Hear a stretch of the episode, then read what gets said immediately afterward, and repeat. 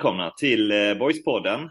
Till Boyspodden med mig här idag, Berna Berglund, tillsammans med Gustav Närme och Anders. Um, kollar här i min omgivning när jag kollar in i datorn här och försöker se och det är ju alltid lika härligt Anders när, vi, när, vi, när du är med och man ser Boysflaggan hänga där bakom dig. Den, eh, den sänder någon form av eh, värme in i, i poddrummet här.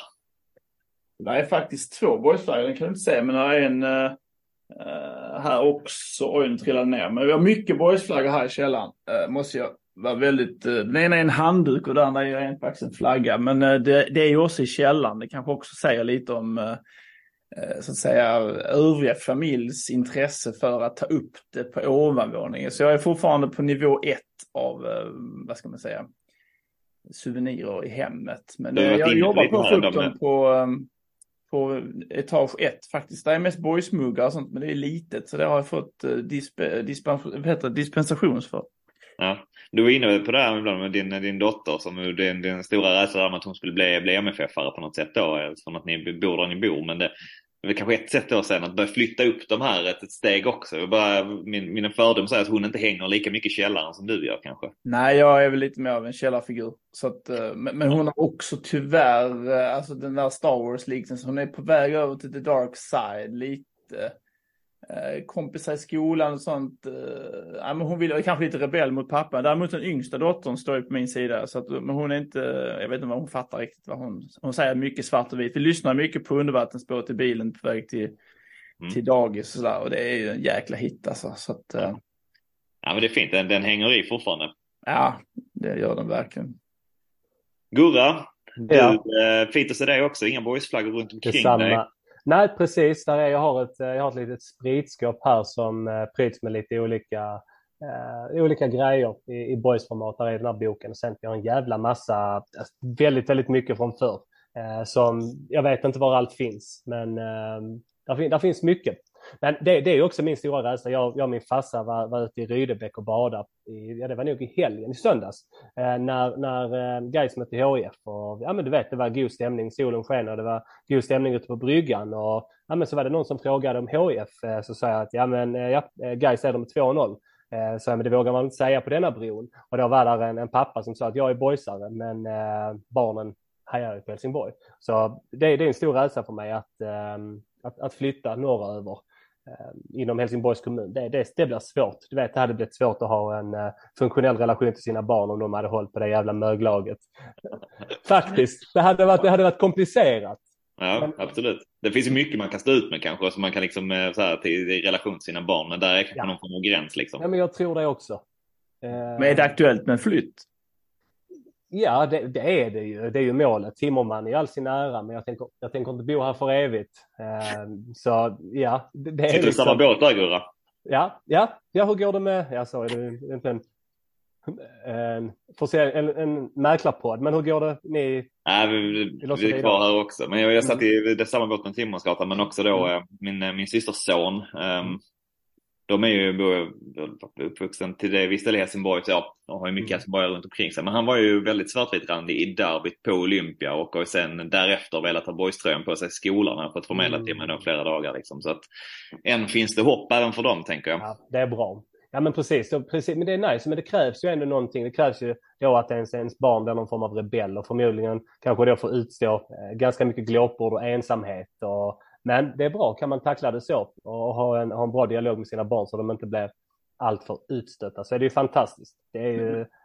Men måste ni flytta till 042? Finns det nej, nej, nej, där, nej, där skiljer vi oss våra båtar åt kan jag säga, då, min och Gurras liksom. Så, um... Ja. Vad, vad, vad, vad känner du? Ja, men att det, det, det är inte aktuellt här. Nej, nej jag, jag, och jag håller med. Men alltså, jag tycker till exempel, jag tycker Rydebäck är väldigt fint. Men, eh, och det är ju, det är ju någon form av gränsland. Men... Mm. Eh, men Glumslöv då? Men Glumslöv är jättefint. Ja, alltså, jag, jag vet, jag vet. Det är gamla jaktmarken, ja, Glumslöv är fint, men där, där, är, där, är, där är någon, någon jävla eh, liksom, epidemi som rör sig där. För att ganska många som bor i Glumslöv hejar av någon anledning på HF och går i skolan i Helsingborg. Och jag, jag vet inte, det är något fel på det folket. Eh, inte alla, men väldigt många. Um, faktiskt. Det, det, jag, kan, jag, kan, jag kan rabbla både en och två. Sen är det säkert en del boysare också, men alldeles för många i Glumslöv som hejar på HF. Och jag vet inte varför. Du, de, du vet, de, de är där någonstans på gränsen och, och verkar ha lite svårt eh, med, med att acceptera att de tillhör Landskrona kommun. Eh, jag vet inte. Jag vet Sorgligt om så är fallet. Mm. Men eh, från eh, Boysland eh, överlag annars är det ju det är ju gladare miner då om man säger någonstans. Um, även om vi då tappar folk ute i Glumslöv så, så eh, tar vi igen det på plan kanske då gentemot HF så att säga. För tillfället i alla fall. Va, um, var står ni då? Jag vet Jens frågade, frågade oss sist när jag och Håsan spelade in med honom att var, var står vi i vårt eh, boysande här just nu någonstans? Det har ju varit, även om boys har vunnit så känns det någonstans ändå som det, det händer inte så himla mycket och um, Ehm, nej, men var står ni liksom? Var, var, var är ni i ert eh, boys supporterskap för tillfället? Ja, men jag är väl lite som i orkanens öga lite. Det känns lite som att det helt plötsligt eh, la sig ett litet lugn, lite så som lite fett på vattnet på något sätt. Eh, vi gör det bra på plan. Det känns som nedflyttningsspöket är numera liksom bortpustat. Och eh, visst, man har de här de små, små drömmarna om att ah, men om vi bara, om vi bara vinner den och den och de förlorar mot den så är vi med igen och då kanske hela hösten kan bli en sån här om bara höst, att vi ska nå den här kvalplatsen. Eh. Men det är ju roligare, det är mycket roligare spekulation än att vi om och bara det, att vi kan klara oss kvar eller, men de farhågorna fanns ju för fyra matcher sedan ish. Och eh, det var ju relevant just då tyckte jag. Det var inte alls någonting vi tog eh, ur luften utan det var en reell kris eh, som sen visade sig att vi kunde repa mod efter det. Så nu får man givetvis omvärdera situationen och nu är vi på ett mycket bättre ställe och även jag personligen när det kommer till Boys. Ja. Mm. Nej men jag, jag instämmer där och matchen mot Brage, Max Möller var väl inne på det själv i, i media här förleden att eller vem det nu var, men hade man Liksom, hade man fått ett baklängesmål där så hade vi säkert förlorat den matchen. Och det var, det var ju en första halvlek som var extremt krampaktig. Eh, och där var vi ju inne i en sån jävla svacka. Så hade det skitit sig där och, och då var det så, så mycket turbulens i, i, eh, kring klubben generellt också. Så det hade, vet, jag vet ju bara för egen del var jag befann mig. Vad, vad jag tyckte jag var ju som förbannad och, och nästan lite hatisk och du vet känslorna var verkligen utanpå. Men sen när man tog den förlösande segern och sen Trollhättan och sen så då tagit tre raka 2-1 segrar så helt plötsligt så befinner vi oss eh, på jättetrygg mark. Och ja, men det, det, det, som är, det som är lite synd det är att ja, men det, nu, det, det, fan, man vågar inte hoppas på något kval. Men ska man titta på det rent eh, realistiskt så lever ju det här kvalhoppet jättemycket i nuläget. Skulle vi slå Öster samtidigt som Gävle kanske då slår Gais så ser det ju bra ut. Men om vi, om vi, nu inte, om vi nu inte tar klivet upp, vilket man kanske inte ska, eller vet, det är för mycket att, att, tro och hoppas på. Men vi kommer ju vara ett splittrat lag nästa säsong igen. Och det kan, man ska inte försöka, man ska inte gå handlingarna i förväg, men så här, lite ledsamt att nu har vi, sommaren var jävligt jobbig för, för oss boysupportrar med allt vad det innebar. Ehm, med negativa besked, folk som skulle sluta och sen spelare som såldes. Och nu har man, har man liksom någon gång eh, verkligen kommit igång och mycket då tack vare våra lån, eller till stor del både Kotto och Edvardsson som verkligen eh, levererar och bär laget. Så, vet, nästa säsong, ja men ska man fylla deras skor och lite börja om. Men Billy var ju själv inne på det i, i Superettan-podden, vilket jag tyckte var väldigt, väldigt klokt. Att, eh, och nu när han sitter som manager. Och det var han väldigt öppen och tydlig med att ja, vi kanske behöver varva in någon som vi inte ser en vidareförsäljningspotential i, men som kan höja övriga laget. Och det är tydligt att Billy också vill ta nästa kliv. Uh, vi vill ju upp till allsvenskan. Så det var uppfriskande att höra tyckte jag. Ja, det tyckte jag också. Det var så. jävligt bra. Så det var, ja, det var riktigt, riktigt, riktigt bra. Och det känns som att efter, efter den här stormen verkligen la sig i somras och när Billy då steppade åt sidan och så vidare så känns det som att okej, okay, nu är man lite trygg igen. Det känns som att saker och ting har börjat sätta sig. Jag känner mig trygg med Billy på sin position. Det gjorde jag inte innan. Det blev för mycket. Det var för många, för många olyckor som skedde samtidigt.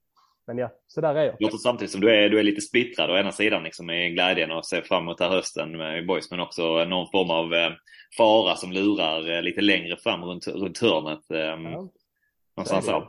så är det. Ussi, Ussi uttalar sig i tidningen här idag och ja, det blev väl lite så här svar på tal att ja, men denna gången ska jag inte uttala mig. Han, HD var ju på honom igen då, dels om eh, varningen senast men, men även då om ja, allsvenskt och även utländskt, utländskt intresse.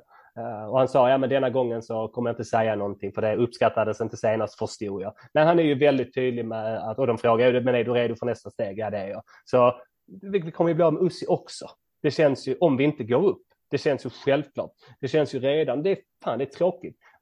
Man gillar inte det som supporter när spelare håller på att dumma sig så. Även jag fattar att spelare har ambitioner, men när det nästan blir, när, men när det nästan blir lite respektlöst gentemot fansen och klubben, det gillar jag inte.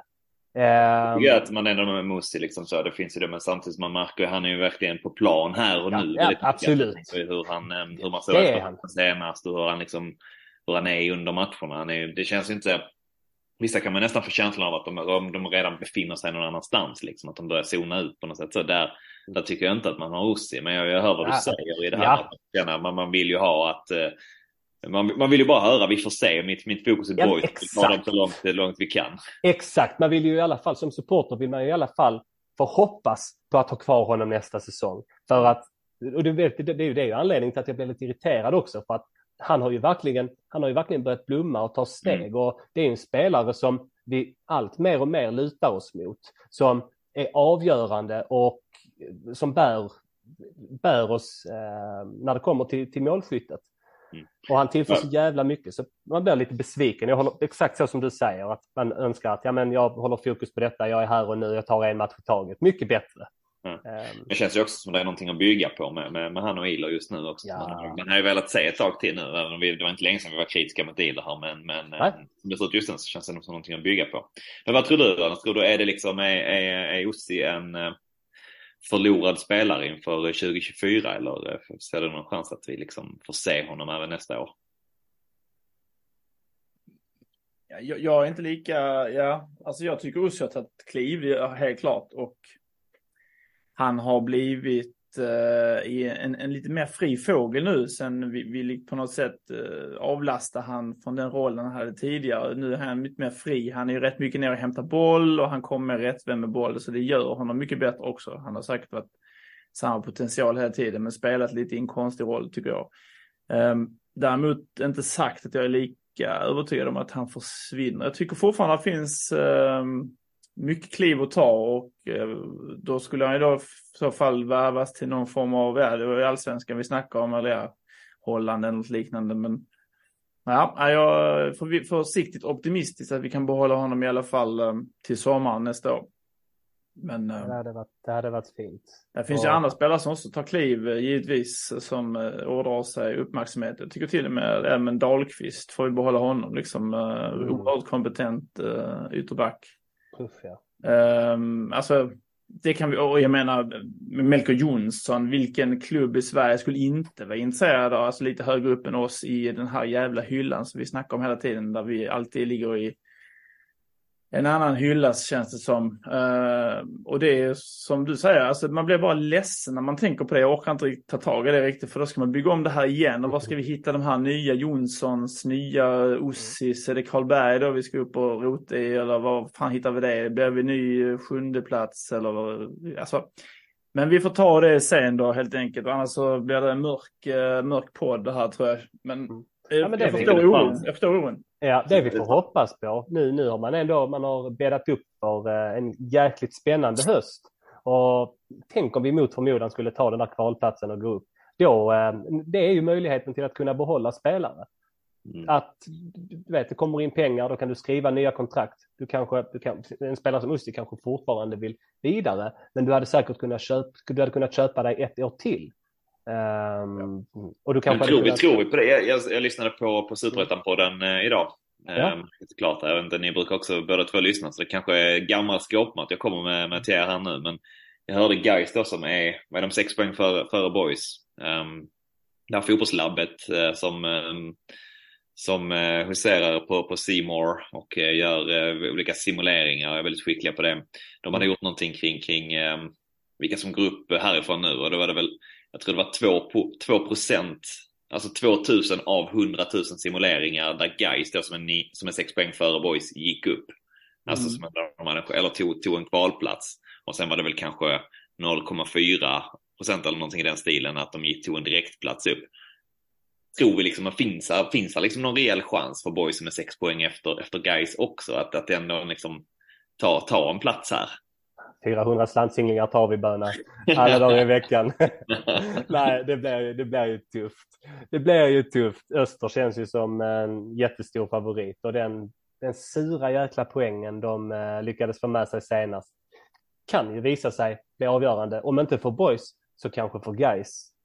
Um, så det, nej, det, det, är inte mycket som talar för det. Det är ju... Diawara borta också. Det, det, nej, det, var, det mm. var jävligt tufft den avstängningen ah. faktiskt. Vad det nu handlar om det där eh, gruffet där. Mm. Men nej, den var sur. Ja. Men varför vi är ändå inne på att snacka lite serietabell och så. Um, fanns ju, fick ju inför förra avsnittet ganska mycket frågor om vad, vad vi trodde någonstans att började Superettan som, som stod kanske mest då egentligen eh, negativt kval, um, uppflyttningsplatser, um, vilka som egentligen, vad vi tror hur det kommer gå till slut där.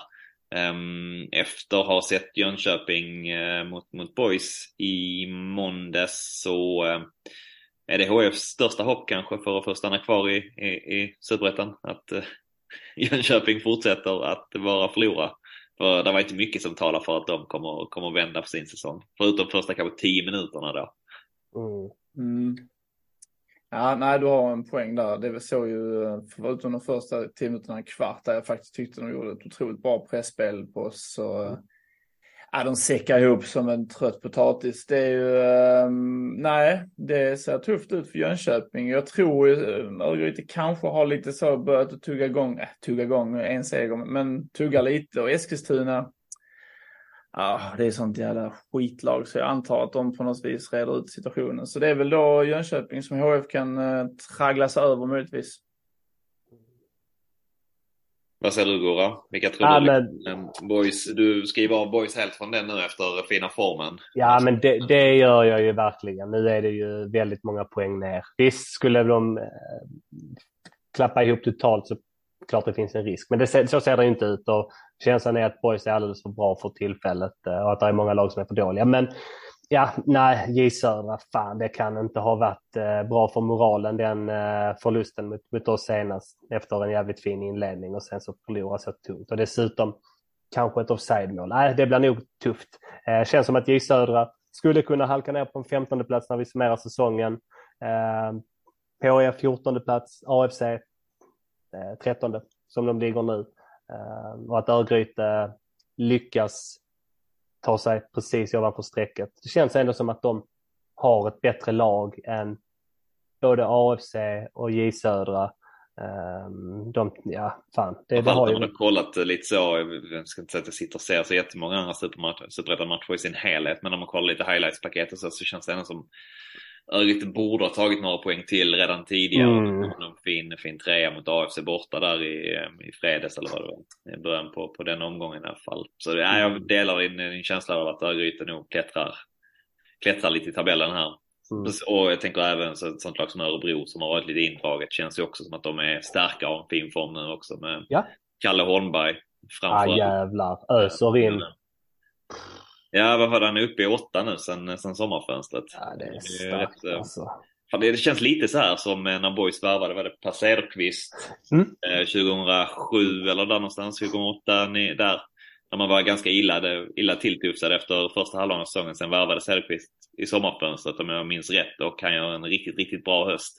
Mm. Också en bomber i superettan som man tänker Holmberg skulle kunna vara.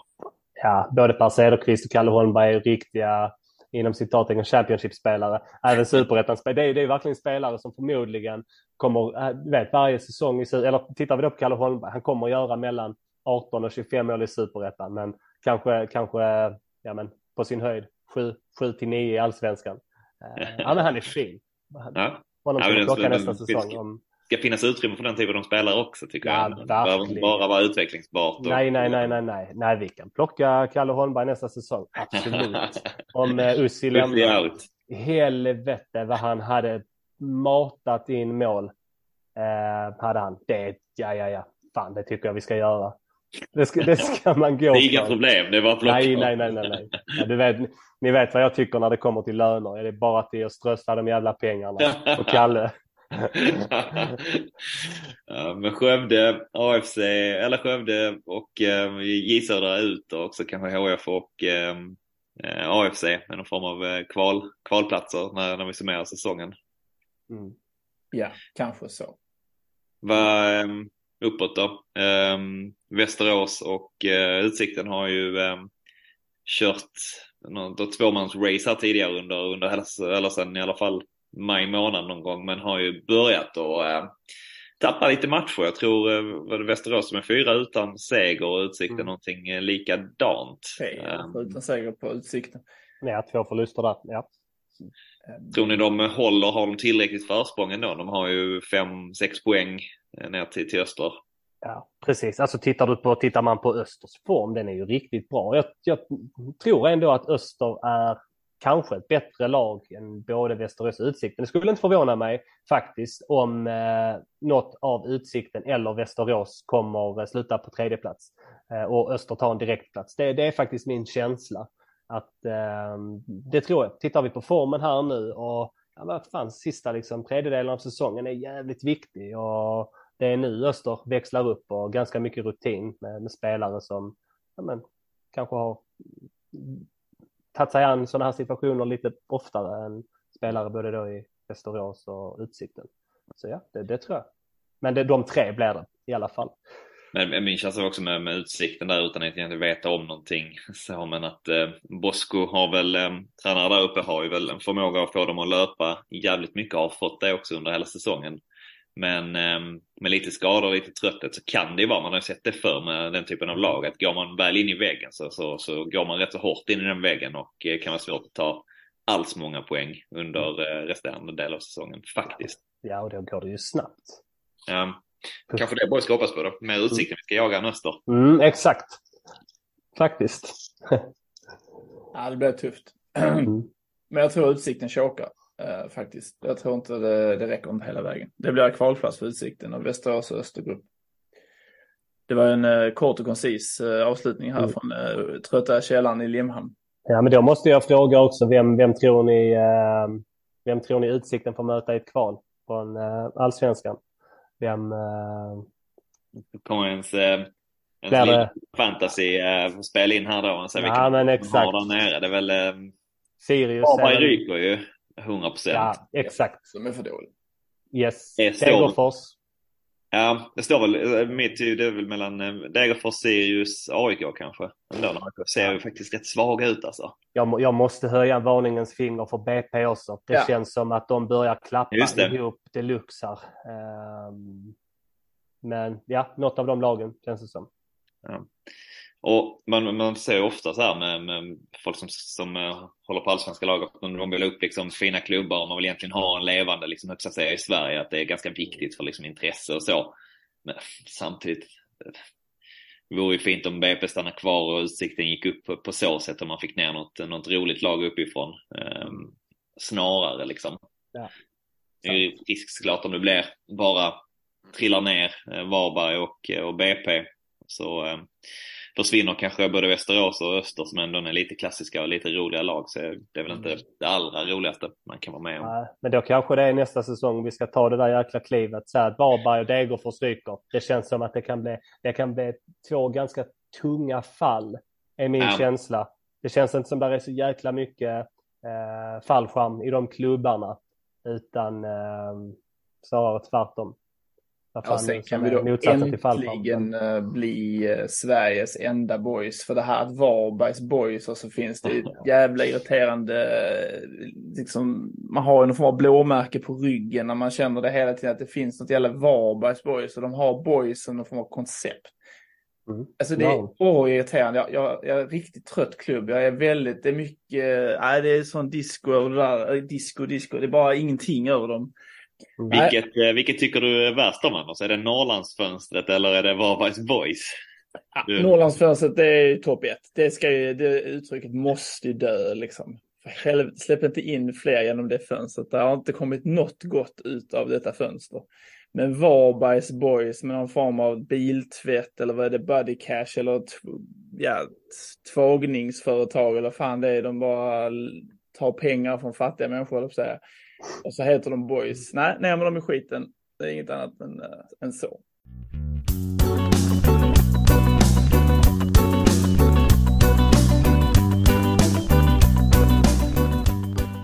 Men J Södra som vi pratade om här, som vi trodde skulle få en riktigt tuff eh, höst, eh, mötte ju vårt boys i, eh, i måndags kväll och eh, trots underläge 1-0 i paus så lyckades boys gå ut och vända i andra halvlek och vinna med 2-1 till slut. Eh, tänker att vi eh, ska ta igenom matchen lite grann och så, alltså, försöka hålla oss kvar vid några hållpunkter. Men eh, vi hade ju eh, Dahlqvist och eh, Jonsson out och vi snackade lite grann förra veckan om att vi trodde att det blev Broselius och eh, Lindman som skulle ta de platserna och mycket riktigt så blev det ju till slut. Var det någonting ehm, som ni funderade på inför det och som ni trodde skulle se annorlunda ut?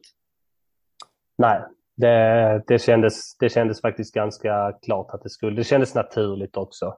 Ehm, det kändes naturligt. Lindman har ju lite knackat på, på dörren där och fått vikariera lite som högerback eller han gick väl före Strid där ett litet tag. Och, men väl, har väl fått stå lite på tillväxt fortfarande, inte riktigt eh, kommit upp i nivå. Men eh, det, det kändes klart nu när, när eh, Dahlqvist missade att han skulle få, få den chansen. Han är tillräckligt duktig med boll eh, för, att, för att klara av att spela en, en vänsterroll, känns det som. Eh, och även Bruselius som ja, men hade lite tyngre, eh, började ganska fint men som hade någon tyngre match och samma sak där, fått eh, sätta sig på bänken och, och, gnugga på. Men också naturligt att han skulle få chansen när, när det nu dök upp. Um... Vad eh, vi, vi som spelade in podd förra veckan var ganska, eller vi var alla väldigt positiva till vad vi trodde hur matchen skulle gå och så, så på, tippade alla att Borg skulle vinna med både 3-1 och 4-1 och allt vad det var. Men eh, första kvarten Eh, när, när matchen väl är igång, vad, vad är det som händer egentligen? Ja, men där, där Jönköping gör ju, de är ju väldigt, väldigt modiga och ja, extremt aggressiva i sitt pressspel och eh, det, det, lyckas man ju, du vet, det får, det får man ju verkligen betalt för. Boys blir pressade långt ner och Bruselius som eh, får, ja, men får ha ganska mycket boll då ut mot högerkanten. Eh, vi, vi lyckas inte eh, ta oss ur den pressen alls och det gör de ju, det gör de ju riktigt, riktigt bra. Men fan, man får inte glömma att är du, är du inte liksom Bielsas pågar och har eh, legat på ett extremt tufft eh, försäsongsläger och dessutom tränar så hårt under säsong så orkar man inte. Och, och, och i synnerhet inte där J Södra befinner sig. Då tänker man att ja, men det där målet kanske skulle eh, kunna få en effekt och, och få dem att liksom växa och, och få energi. Men eh, det, det, blev ju tydligt att de, de orkar ju inte. Det är ju det, är ju det, som, det är ju det som är det stora problemet, tycker jag. De, de orkade inte att vara konsekventa och så fort de släppte på pressen så eh, ja, kan, kan boys börja rulla och, och, då är vi ju dominanta. Då är, där, då, då är det helt plötsligt Jönköping som, ska, som får springa sig trötta och inte ha så mycket boll. Så, ja. Vad såg du första, första kvarten Anders? Delar du Goras bild av att det var ett, ett Jönköping som, som egentligen gjorde det ganska bra, men jag har dig rätt mer än att det kanske var boys som inte var så, så himla bra? Nej, jag håller helt klart med. Vi blev ju stressade också. Vi, ja, det blev ju några mer eller mindre lyckade, vad ska man säga, när man prövar att um, spela sig ur situationer nere i försvaret. Och vi är ju ett rullande lag. Det har ju varit eh, mycket diskussion om det länge, liksom att folk får hjärtat i halsgropen varje gång eh, vi håller bollen inom laget i backlinjen och Kadura är med som en liten extra spelare sådär och sparka upp bollen nu. Det är sitt plats klassiska liksom. Jag fattar inte vad fan ni håller på med och, och, och eh, de, den känslan eh, får man ju ibland givetvis och framförallt när de pressar så högt och att vi då kanske är lite tveksamma i vissa passningar där de då får komma med omställningar snabbt. Eh, och det blir då Agnell som tyvärr gör en, ja det är ju sagt en fin passning, men med det pressspelet så, så snappar de upp den snabbt och sen är det ju mål liksom. Och då får man ju känslan, fan, ja, det, det får, nu får det helst sluta blöda här för det här, det här var tufft. Första kvarten är ju tuff. Mm. Ja. Sen, som du säger Gurra och Björn här, vi, vi, de orkar inte och sen eh, är vi ju fantastiska på att rulla boll. Mm. Utan den pressen så är vi bra.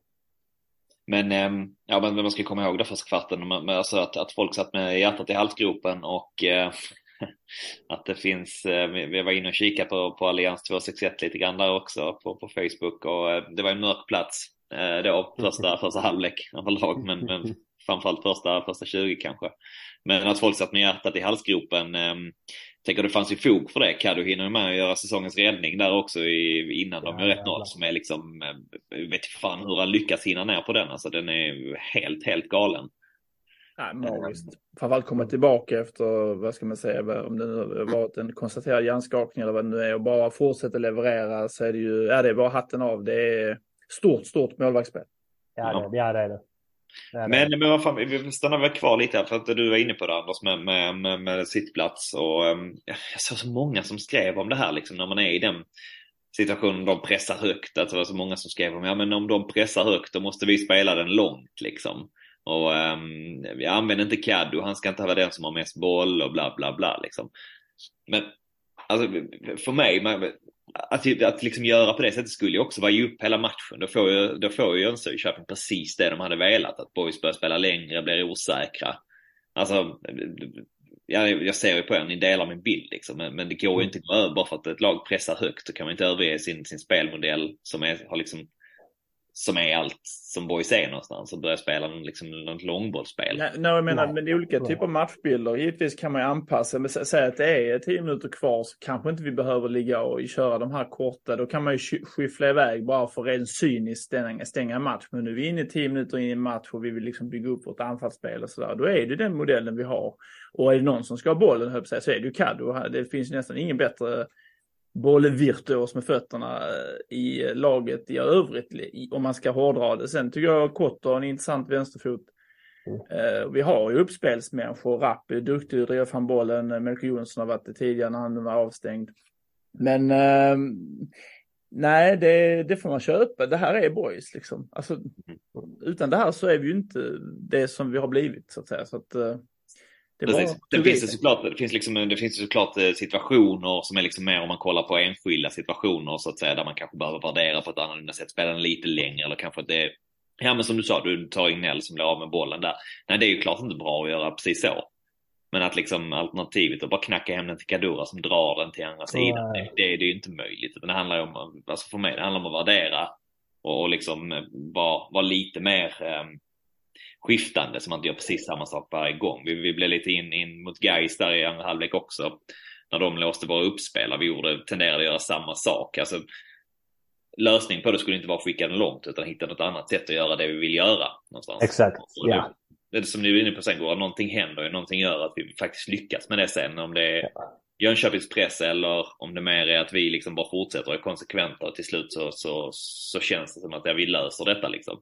Exakt, det tror jag. Det tror jag. jag tror verkligen att det är ett, eh, ett kvitto på att vi, vi är konsekventa. Jag tror att du vet, boys, boys, måste gör, boys måste spela på det sättet där någonstans så, så blir det ju lite av ett, ett numbers game. Så att du vet, spelar du tio matcher, om du spelar dem på det här sättet tio gånger så kanske du vinner åtta börjar man helt plötsligt gå ifrån sin, eh, sin taktik och sin filosofi där vi har våra absolut största kvaliteter som är passningsspelet och bollinnehav. Ja men du vet, ger man upp det, nej, då kommer det gå åt helvete. Och det, och det hade ju kunnat bli så. Att du vet, Max hade kunnat stå på, lin, på, på, på, vid sidlinjen och skrika, nej men nu får du skyffla. Ja, och, då hade det, då, då, och då hade de ju någonstans förmodligen lyckats väldigt, väldigt mycket eh, mer än vad de gjorde. Det är ju helt enkelt att boys är konsekventa och fortsätter nöta precis som, eh, som de har tränat på.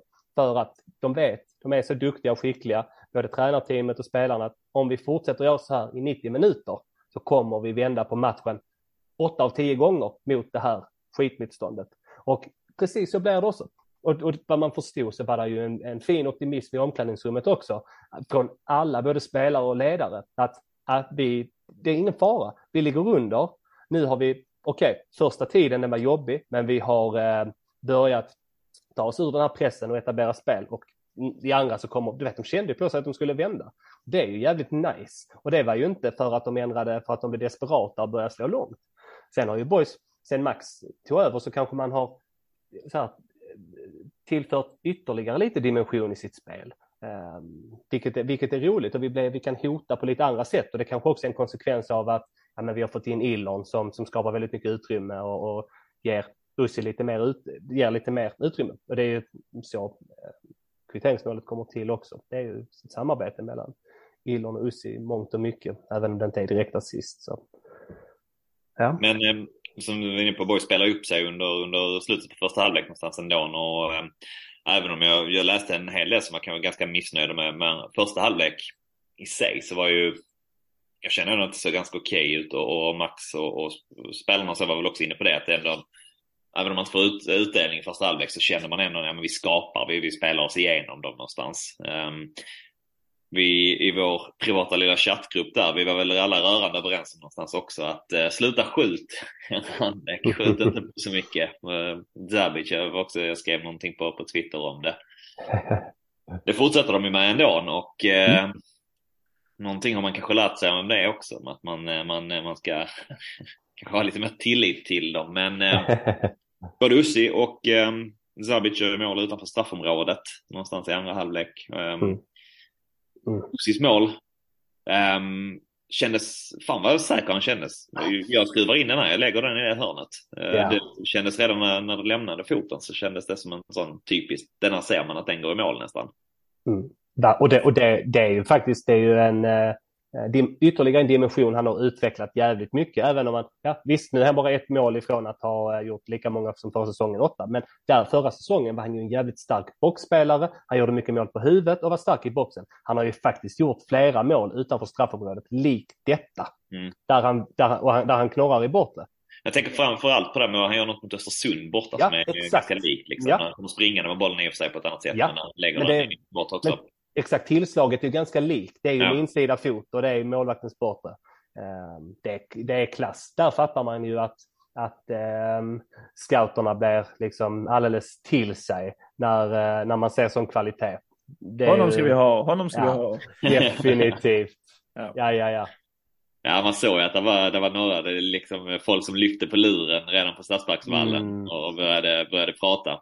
Ja, det var det det, det, är sån, det är sånt du inte kan träna dig till. Utan, ja, det kan man kanske till viss del, men det, det, det där, den där beslutsamheten och, och kvaliteten och bara ett läge och bara smacka den. Det är så jävla fint att se. Jag vill säga någonting om eh, Davids mål. Eh, Max Mölder var ju efteråt menar på att eh, jag kan inte reglerna. Och att han kan inte reglerna. Nej. Ja. Men det vill låta oss vara ärliga. Det är ju solklart att säga. Vi kommer, eh, ja. vi, vi får med oss någonting vi inte borde. Det är, det, är just det eh, domslutet i alla fall. Eller? Ja, ja, absolut. Det är klart. Ja, Max, Max, Max, är, Max är lite träig i, i intervjun.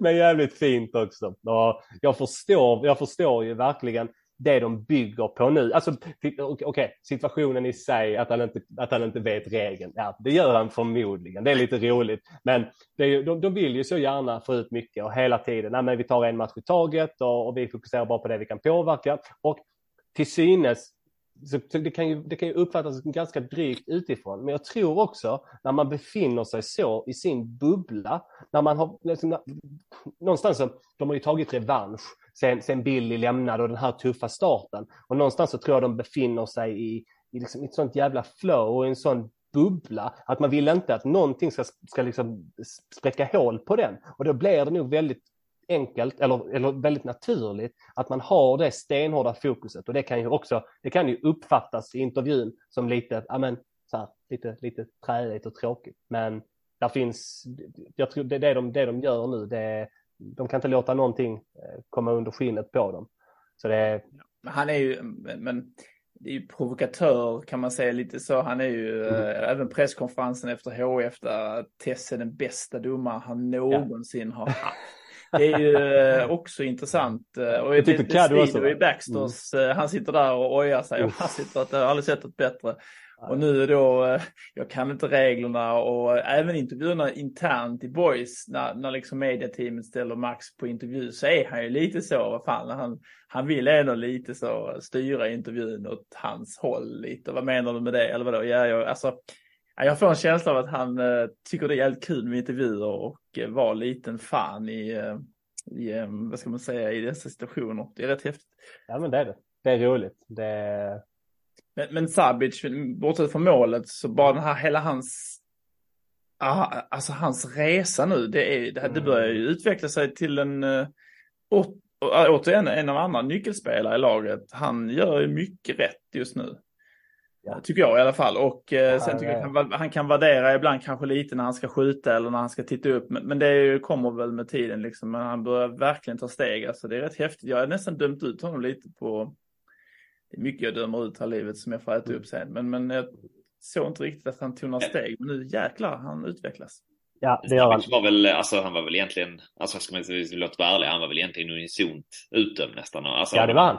Ja, det var han. Förra säsongen. Alltså, det var inte så många som hade någon tro på att det, det skulle bli någonting. Alltså, han kom in ganska hypad, skulle göra mycket poäng och hela ja. den biten. ja. blev det inte så mycket och det var väl många som många som kanske gav upp och, och förra säsongen, även om man fick chansen på lite olika platser och, och sådär, det, det är svårt att ta liksom.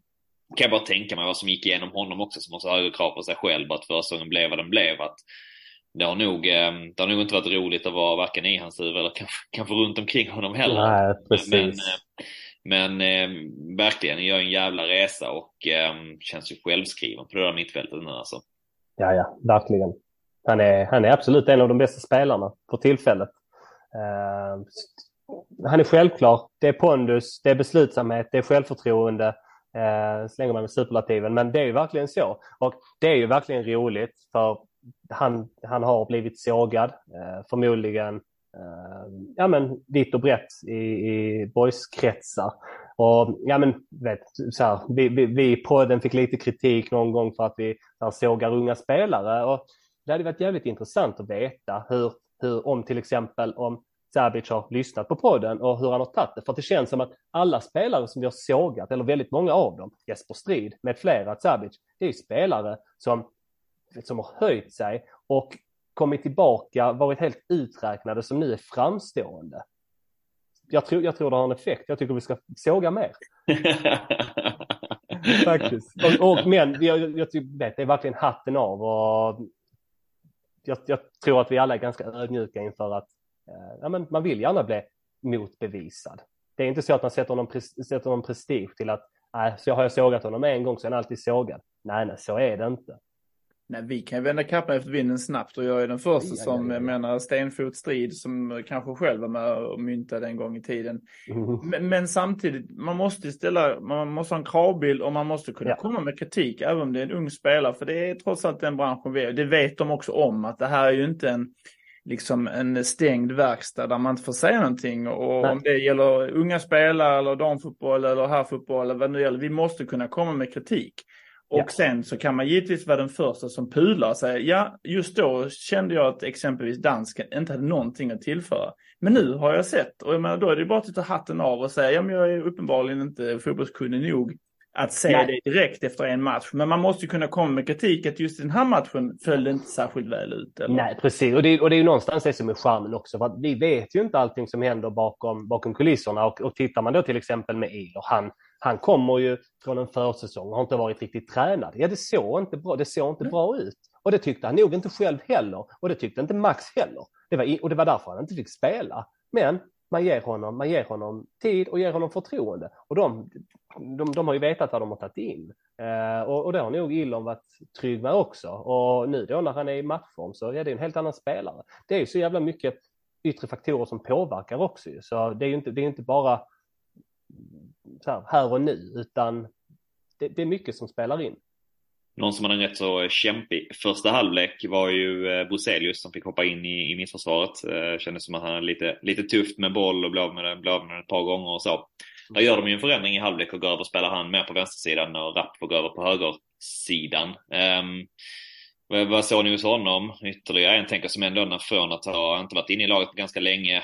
Um, har det tufft i första halvlek. Jag ser framför mig att eh, shit, det här kan bli det kan innebära, fortsätter detta andra halvlek så kan det innebära att eh, fan resten av säsongen kan han ha rätt så kämpigt alltså. Men han, han höjer sig och vänder, vänder sitt spel i andra halvlek. Mm. Nej, men jag håller med dig. Det, det, det var ju, jag vet inte hur, jag vet inte hur pass eh, medvetet det var från J Södras sida att man liksom valde att lägga tyngden mot Boys högersida, men Bruselius hade ju väldigt, väldigt svårt eh, och ja, Mm, han, han, klarar inte av den uppgiften. Men precis som du säger, när de flyttar över honom till vänster, det blir mer fokus försvarsspel och positionsspel i andra halvlek och rapp då. Och det är ju också så att spelare har olika kvaliteter och det är ju jättefint coachat av Max också. För att du vet, Bruzelius har ju fina kvaliteter, men, men det han utsattes för i första halvlek kanske inte är riktigt det han är bäst på. Även om han har varit bra med boll och bra på att driva. Så detta blev, detta blev en, en, ett nummer, nummer, numret för stort för honom. Och då flytta över honom, fokusera mer på försvarsspel, positionsspel och, och sådär gjorde han skitbra. Och Rapp, lugn och trygg, utgående kontrakt, bryr sig inte längre. Du vet, han, han, styr, han styr det med sin högerfot och gör det jättebra. Och han har ju fina kvaliteter. Uh, men, men, någon, ja, men någonstans så blev väl deras dynamik lite annorlunda. De tar ut Silverholt av någon anledning som jag inte förstod riktigt. Han hade fått någon smäll fattade jag som i halvlek redan. Att han hade någon, eh, fått någon smäll mot ryggen eller så. Och han hotade ju, he- alltså han var ändå en, en nagel i ögat hela tiden. Så det kändes som att det kanske ja. blev, jag ska inte säga att det blev lättare och det var därför att ja, men... det kändes tryggare. Men någonstans så, så tappade de ju rätt mycket uh, spets i det bytet. Ja. Så, mm. ja. Men Han ser bra gjort av honom ändå. Roselius.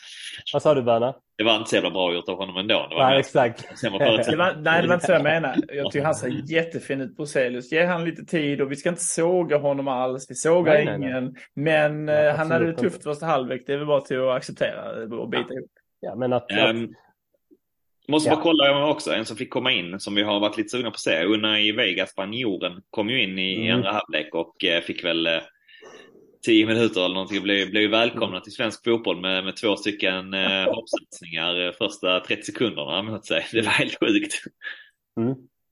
Att det inte renderar i, det, det var fan rätt, i alla fall andra påhoppet det är jävligt saftigt faktiskt. Får han smaka den spanska dyngan där. Men, men ja. jag vet inte vad ni kände. Jag han gjorde väl inget jätteavtryck sådär. Han gjorde inte bort sig heller liksom. Men eh, kanske ja. ett otacksamt läge att komma in också när det blev mer fokus på att eh, hålla undan på något sätt. Och... Ja, ja, ja om, om jag får vara liksom lite diplomat. Jag tycker han gör ett svagt inhopp. Jag tycker han eh, han hade svårt i positionsspelet och han hade svårt i tempot och han hade inte riktigt, eh, kändes inte riktigt som han hade blicken. Det kändes nästan som att det var lite för högt tempo för honom ja, och säkert, det, ja. säkert en del anspänning och så. Eh, jag tänker på det anspänning men också att liksom, matchtränare inte spelat på länge. Ja, nej, men exakt. Det, det, är inte konstigt. Nej, det är inte alls konstigt. Eh, det är det inte. Han hade någon liksom, okej okay, passning på, på slutet, även om det var en enkel pass. Jag höll ju ett extra öga på honom och vet inte, jag vet inte varför, men så här, jag, jag har någon liten, liten så här förkärlek och vill att det ska gå bra för honom. Ehm, så det var lite jobbigt att se. Han, han, han hängde inte med. Men precis som, precis som förmodligen som eh, med, med Iller när han kom, att det kan ta lite tid.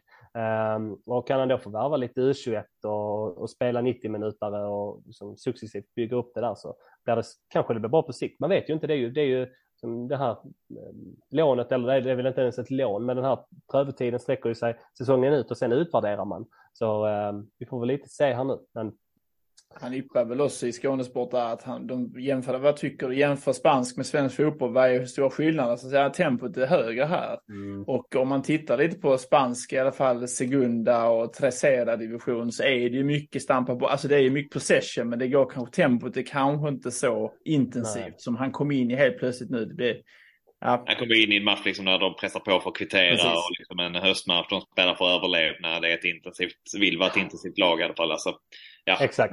Mycket var ju bäddat för att det, skulle, det skulle bli lite tufft för honom.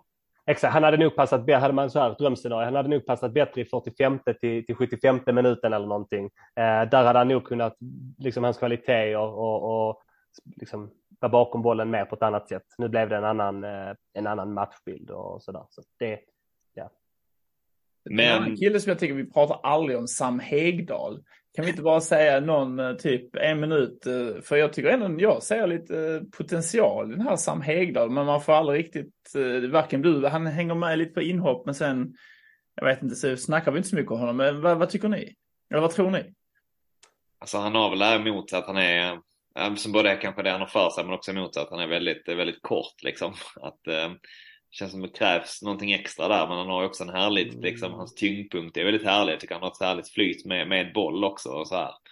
Jobbar ju hårt ju, så jag gillar honom som spelartyp men eh, mm. um, Sen vet jag inte riktigt vad, vad svårt att säga än så länge var han skulle vara bäst på planen. Om han är en innermittfältare eller om han är ytterforward eller vad han egentligen är. Det är väl inte helt klart än för mig. Nej. Jakirlic eh, berömde honom efter U21-matchen mot eh, Trelleborg. Så det var ju, det var ju roligt. Men fan var det mer som fick, eh, som fick lite, lite extra beröm? Eh, jo, ja, ja, precis. Provspelaren, ja exakt. Carl Gunnarsson. Ja, just det. Den är Eskil, Eskilsminne. Ja, precis. Yes. Just det. Um, fick också lite extra beröm. Det är roligt. Ja. Men nej, för att svara på frågan, det är svårt. Han, han har 18 år så, ja. ja, precis. Och inte fått så mycket förtroende. Jag har sett honom för liten. Men, men det verkar ju ändå finnas som man säger, även om han inte fått så mycket speltid som man kanske tänkte mm. en period att han skulle få. Men för jag vet mm. ju Max var väl, de fick väl frågan vem han trodde skulle slå igenom i år eh, ja. inför säsongen i någonstans. Och då var väl hans svar eh, Sam Hegdahl. Mm. Det känns ändå som att det finns ett förtroende hos Max liksom, men att det kanske får ta lite tid också. Det kanske Exakt. inte man kan räkna med hoppar in direkt och gör superavtryck utan det är en som får vara två år i, i A-laget, vara med och se och lära och spela lite grann liksom. Exakt så har det varit för många spelare. Det är samma med Heijer till exempel. Den säsongen han kom upp fick lite speltid på slutet. Och, men sen så försvinner spelare och man får stå på tillväxt under en försäsong. Och helt plötsligt så ja, men får man successivt mer, mer förtroende. Så ja, men vad fan, det, där ska man inte dra några förhastade slutsatser alls, utan det får ta sin lilla tid. Det kan ju ta lång tid att komma in. Jag menar, jag fick min första träning när jag var 43 typ. Så det tar lång tid att komma in i ja. så är det bara liksom. Ja. Har du hittat matchtempot nu då, Anders? Uh, ja, jag har faktiskt uh, slimmat mig lite och mm. uh, känner mig mer eller mindre redo för ett inhopp i någon form av old boys kanske. Nej, jag har inte slimmat någonting. Men nej, men, men facit hand så det är tufft att ta sig in i elitklubb så är det väl bra. Vi får väl ge honom lite tid. Ja, för fan. Något som var eh, både lite fint men också lite störigt var ju att eh, mot slutet på matchen så blev ju Osman indragen i någon form av eh, personlig batalj med deras in, inhoppande högerytter och blev ju när eh, stod huvud mot huvud varnad och därmed också avstängd på, på, på lördag. Um, sen firade han ju på ett otroligt härligt sätt efter matchen mot den här högeryttern. Um, mm. men... Flammor. Flam, precis, precis. Men om vi, om vi kikar framåt lite grann där. Hur, eh, nu klarade sig Boys utan två stycken eh, avstängda spelare mot, mot J Söder och lyckades ju lösa det ändå. Men hur, eh, hur stort bakslag är det här för Boys på, på, på lördag mot, mot Öster? Mm. Ett jättebakslag. Ja, ja, jag tycker det är jättetufft. Ehm, men ja, det är bara att hitta lösningar där. Illon och ja, ska väl ackompanjeras av någon. Men jag tycker det är, han är svår att ersätta så rakt av på liksom en, en till en så att säga. Det finns ju ja. ingen eh, extra Diawara liksom som bara ligger och väntar i, i uh, skåpluckan. Nej. Att, uh, ja, för Max. Nej, den är, ja precis, nej den är tuff. Det, där är ju liksom ingen Broselius eller Lindman som kan gå in och täcka upp och göra det okej, okay, utan det blir en annan spelartyp. Jag tänker väl att, alltså Koffi gör ju ett jäkligt jätte, jättefint inhopp mot, eh, mot J Södra på, har, har ju om stundom varit jävligt bra, blandat och gett, men nu gör han ju ett riktigt fint inhopp och ja men med, med, med det fina inhoppet i ryggen och den prestationen så tycker jag att ja men han kan få chans. Jag tycker verkligen att uh, han ska få chansen. Mm. Um, refererade till Superettan-podden lite tidigare i avsnittet här och eh, de lyfte det några, några sekunder boys i slutet och eh, ställde sig frågande till eh, varför inte Koffi spelar så mycket mm. längre.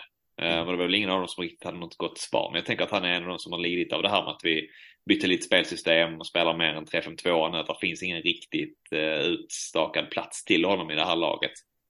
Nej, precis. Och, och, och även under hela säsongen. Han, han har liksom inte riktigt lyckats cementera någon plats utan han har någon, någon match har han gjort det bra mer som kanske central mittfältare. Någon match har han gjort okej okay på en kant och sen så har det sviktat lite.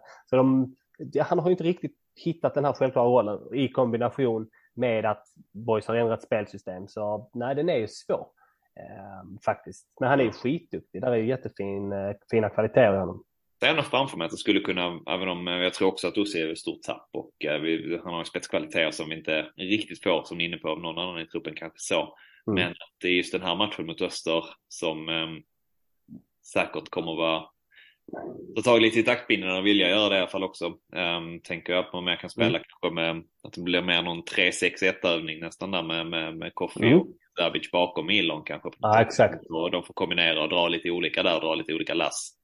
Istället för att det blir Koffi och Illon så att nästan att det blir Zabic och, Illo, Zabic och eh, Koffi bakom Illon. Ja. Ja, vi kommer inte föra matchen direkt utan det kommer kanske vara bollinnehav lite åt öster sida. Hade jag ju räknat med nästan faktiskt att Max också typ köper rakt av att de kanske har lite mer boll och att vi kan ligga lite mer på rulle kanske. Eh, det passar oss kanske bättre nu med, med Illon där som bara som du säger kanske själv får axla djupledsrollen där och riva oss lite. Mm. Var ehm, Öster klassiskt sånt här boogie-lag för boys också någonstans? Var, ehm, vad är det för lag vi kommer att möta på, på, på lördag? Vad ni har sett från Öster? Vi snackar väl, eller jag vet jag snackar i alla fall redan från början. Jag såg de första matcherna att de här går upp, inget snack. Och det var ju lite överdrivet givetvis. Men äh, jävligt fina offensivt.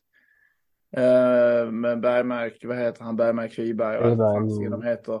Äh, duktiga offensivt och men, men det är väl, ja, de släpper in en del mål, gör de ju faktiskt. Men ähm, Nej, det är väl lite boogie-team, det vet vi ju. Så att uh, med den avstängningen också, så det, det, blir en, eh, det blir en tuff nöt att knäcka. För att mm. De har väl samtidigt förstått det som sin, sin mittback Berg där avstängd också. Som är väl, mm. dem. Sen fick de väl in Krishak då från, från Mjällby i sommar som har spelat ytterback om jag förstått det rätt. Han lär mm. kanske flytta in i mittförsvaret för de väl in den här Mm. Um, de har någon ytterback där som har varit uh, rätt okej, jag kommer inte ihåg vad han heter. Men, men uh, som du säger, det känns som att det är ganska offensivt uh, viktat uh, lag ändå. Uh, mm. som, som går att såra bakåt. Men att uh, Boys som också varit benägna att släppa till en del uh, chanser, både mot Nöje Södra inledningsvis och även mot, mot Gais. Det känns som att det är inte läge att släppa till en massa chanser mot, mot Öster, för då, då lär det smälla. Ja. Mm. Ja, mm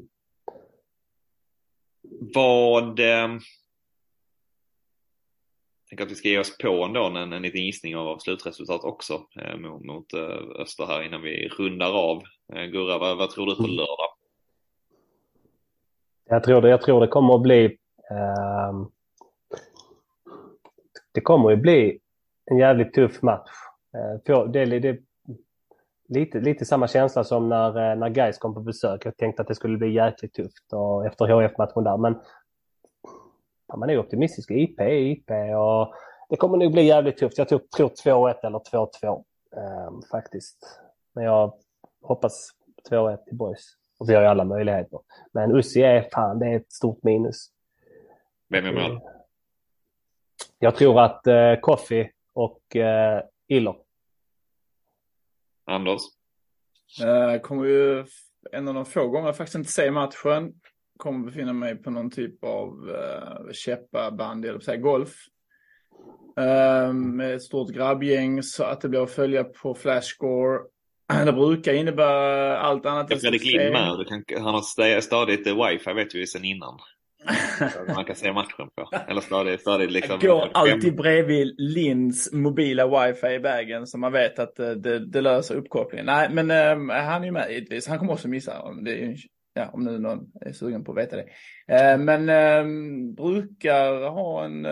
jag tror faktiskt att det blir precis omvänt vad man tänker den gången. Jag tror det blir 0-0. faktiskt. Ussis avbräck och vi kommer kanske lite mer defensivt lagda och se upp med deras offensiv så rinner det ut lite i sanden med mål. Alltså 0-0 var ett tråkigt uh, tipp, men det blir det. Skön match att missa då. Ja, det är därför jag säger det, för att ja. jag ska missa. Nej, men det är fullt rimligt. Jag tycker faktiskt mm. det är en poäng mot Öster, men fel. Och sen skulle vi mot all förmodan, eh, mot, eller skulle vi vinna så jag tror faktiskt Strid skulle kunna pilla in en boll till. Han är inne i ett riktigt uh, stim av självförtroende, Lundapågen där. Så jag ger honom um, en snubbelboll in 1-0 kanske. Med, med den här super, eller vad heter det, Svenska cupen-matchen. Han är väl eh, poäng nu, fem raka matcher också? Ja, eller? Så jävla stabil alltså. Är det så? Fem ja. poäng på rad? Ja, jag tror att han har ett gäng assister och något mål här. Det är, det är starka, starka Ja, mycket. Um, men då tippar jag 1-1 um, och um, jag mm. tippar att han skulle få göra mål sist. Um, jag tror inte denna gång får inte spela. Men jag tror däremot att eh, fan, Edvin Dahlqvist eh, poppar upp på, på bort, bortre stolpen liksom. Mm. Mm. Välförtjänt mål. Nickar in det också. Mm. Oj, oj, oj. får man inte missa här. Då måste jag hänga med Lins wifi här. Det får jag nästan streama live på äh, åttans green. Men eh, med det sagt, gör inte som Anders och boka upp er på annat på lördag. Utan fan ta er ut på, på IP och ehm, eh, ja, stötta och gör vad ni kan för att The Boys faktiskt, även om vi eh, känner mig jävligt det, det negativ därefter jag sa det här med, med hur, hur låg chans det var att, att Guy skulle ta den här kvalplatsen. Eh, men för vinner Boys är det ändå någon form av hopp som kanske lever. Det blir lite kul i alla fall inför hösten då att man vet att det fan, finns, ju, finns ju någon möjlighet i alla fall. Samma, samma, samma liga simulerade också allsvenskan och där där hade man simulerat oss typ 100 000 gånger och väldigt många av dem skulle Elfsborg vinna. Då gick de på pumpen hemma mot Kalmar. Så eh, 400 slantsinglingar, det tar vi. Du är inne, du fingrar på att kolla på Expect nu så kan man hitta några goda. Exakt. ja, det... Um, men vad fan, alltså tar ut IP, lördagsmatch, alltid lika fint. Konstiga, konstiga avsparkstiden 13.00. Man vänjer sig aldrig riktigt vid det ändå. Men um, hoppas så många som möjligt kan ta sig ut där. Eh, Öster lär ju säkert komma med lite folk också, så det är väl en av få roliga matcher kvar på det sättet också. Men eh, hur fint som helst att få, få snacka med Öresund, snacka lite boys, snacka lite gott, snacka lite superettan i, i stora drag. Men eh, vi, ska, vi ska lämna er och eh, bara egentligen eh, säga heja boys! Heja boys! Heja boys! Du kan lita dig tillbaka du kan drömma lite grann som om Gud var lika randig han som sinne din sida. Dröm om röken från Olympia om hela skiten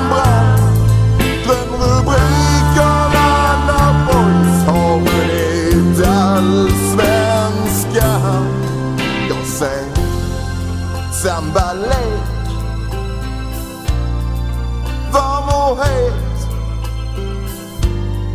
Jag ser grym överlägsenhet Ja, du ser väl det själv Vilket underbart lag.